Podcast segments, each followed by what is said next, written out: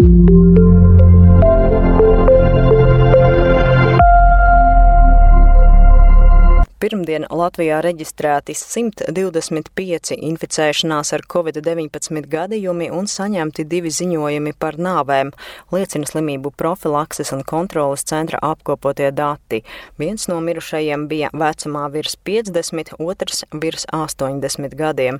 No vairāk nekā 8000 veikto testu pozitīvi izrādījās 1,4%. Centrs arī izpētījis, ka no jau pieminētajiem 125 inficētajiem inficētajiem cilvēkiem 95 ir nevakcinēti vai vakcinācijas kursu nepabeiguši, savukārt 30 vakcinēti.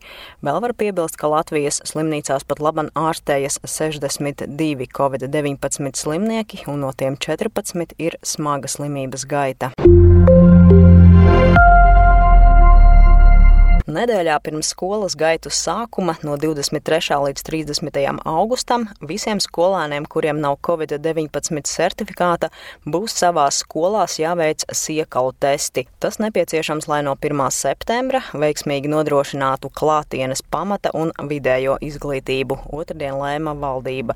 Izglītības un zinātnes ministre Anita Muižniece no jaunās konservatīvās partijas norādīja, ka šis ir tikai pirmais no vairākiem regulējumiem, kas tiek apstiprināti, lai nodrošinātu mācību norisi klātienē nākamajā mācību gadā. Ministra sacīja, citēju, šī ir ieejas biļete skolā 1. septembrī negatīvs tests vai sadarbspējīgs certifikāts.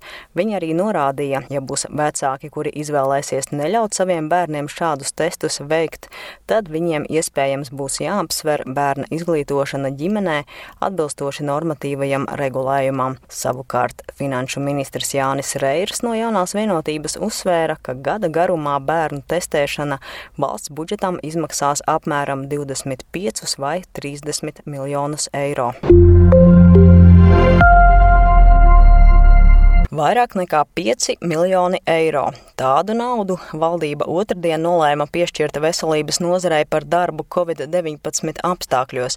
No šīs summas 2,8 miljoni tiks novirzīti, lai varētu sekt izdevumus ārstniecības iestādēm par šogad maijā sniegtajiem veselības aprūpas pakalpojumiem, kas radušies saistībā ar Covid-19 uzliesmojumu un seku novēršanu. Savukārt 2,4 miljoni veselības nozarei tiks iedalīti, lai norēķinātos par mediķu un pārējo nodarbināto virsstundu darba samaksu no šā gada paša sākuma līdz 31. maijam. Domātas ir tās virsstundas, kas saistītas ar Covid-19 jautājumu risināšanu un seku novēršanu. Vecāku organizācija Vecāki par izglītību atbalsta pedagoģu obligātu vakcināciju, jo tas ir būtisks priekšnoteikums klātienes mācību atsākšanai rudenī, vēsta Leta. Biedrības priekšsēdētāja Silvija Titova Meija otrdien intervijā Latvijas televīzijas raidījumam Rīta panorāma pauda, ir prieks, ka vakcinācijas aptvere kopumā kāpj. Izglītības darbinieku vidū augstāko rādītāju sasniedzot augstskolas pasniedzēju vidū. Tomēr citēju, mazliet bēdīgi par pirmsskolu pedagogiem, kur vakcinācijas aptvere ir zemāka. Tiem jauno koronavīrusu pārslimojušajiem cilvēkiem, kuri pēc inficēšanās ir saņēmuši vakcīnu pret covid-19, ir zemāks risks atkārtoti inficēties salīdzinājumā ar tiem pārslimojušajiem, kuri pēc izslimošanas nav vakcinējušies. Tas secināts ASV veiktā pētījumā, kas publicēts ASV slimību profilakses un kontrolas centra iknedēļas atskaitē Vēsta Leta. Lai nonāktu pie šāda secinājuma, pētnieki Kentucky štatā salīdzināja divas iedzīvotāju grupas tos, kuri saslima pērn un kopš tā laika ir vakcinējušies, un tos, kuri tad saslima, bet nevakcinējās.